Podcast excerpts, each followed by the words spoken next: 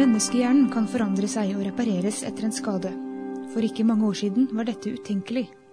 Velkommen til tidsskriftets podkast for nummer 9 2007. For få år siden trodde vi at hjernen hos voksne mennesker manglet evnen til å forandre seg, og at hjerneskader dermed ikke kunne repareres. Hjernen eh, har vel lenge vært oppfattet som et uforanderlig organ, hvor vi blir eh, født med et antall hjerneceller, 130 milliarder er det vel eh, blitt til nå, og at hjerneceller langsomt går til grunne gjennom naturlig aldringsprosess, og at det ikke har skjedd noen fornying av hjernen underveis i det hele tatt. Det sier nevrolog Espen Dietrich. Han jobber ved nevrologisk avdeling ved Rikshospitalet og har skrevet artikkelen 'Hjernens plastisitet perspektiver for rehabilitering etter hjerneslag'. For nå vet man så mye mer. Det som er den nye kunnskapen, er jo at eh, det finnes stamceller i hjernen som kan dele seg og gi opphav til ikke bare gliaceller, som vi har visst lenge, men også til nye hjerneceller. Og at det hele tiden skjer en fornyelse av hjerneceller, i hvert fall i visse deler av hjernen og at den fornyelsen er eh, i hvert fall i en viss grad aktivitetsavhengig, sånn at eh, det å bruke hjernen og være aktiv, sannsynligvis både fysisk og mentalt aktiv, er med på å øke antallet hjerneceller, i tillegg til at aktivitet også er viktig for å øke antallet synapser, antallet koblinger mellom hjernecellene. Dietrichs artikkel inngår i tidsskriftets temaserie om hjerneslag. Den nye basalfagkunnskapen om hjernen har nemlig fått betydning for rehabilitering av denne pasientgruppen. Først og fremst teoretisk så betyr jo dette at du har en mulighet til å trene opp hjernen. Det gjelder både den friske hjernen og selvfølgelig kanskje aller mest hjernen etter en skade, slik som f.eks. et hjerneslag.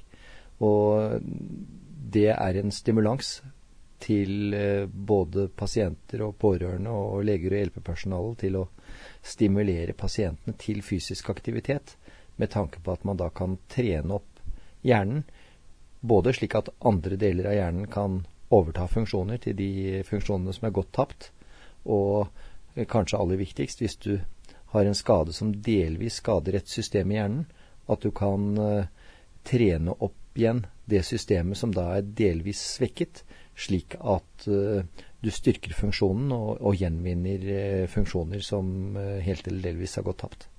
Men den nye kunnskapen gir også behandlingsmuligheter innen andre sykdommer som rammer hjernen.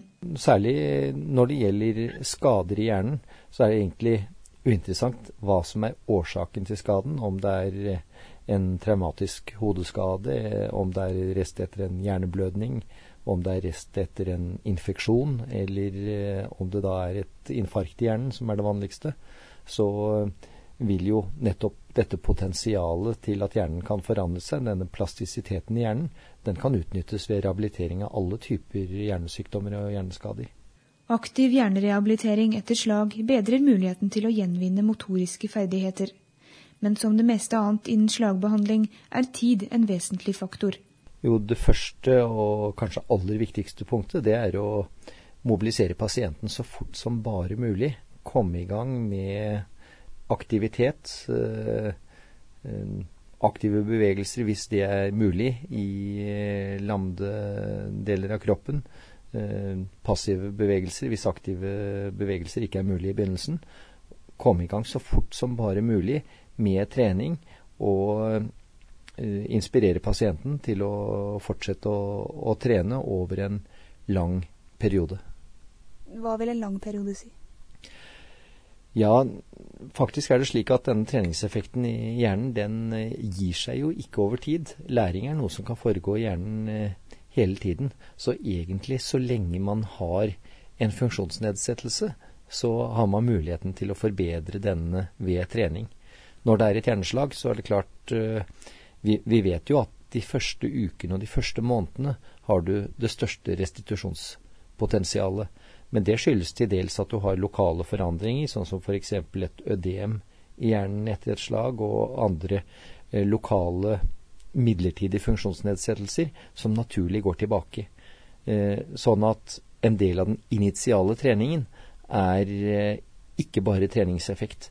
Men eh, du kan fortsette å trene, du kan fortsette å ha en bedring over lang tid, også selv om det går veldig tregt med fremgangen. I tidsskriftet nummer 9 2007 kan du også lese tre andre artikler om hjerneslag, blant mye annet. Neste nummer og neste podkast kommer på nasjonaldagen 17. mai.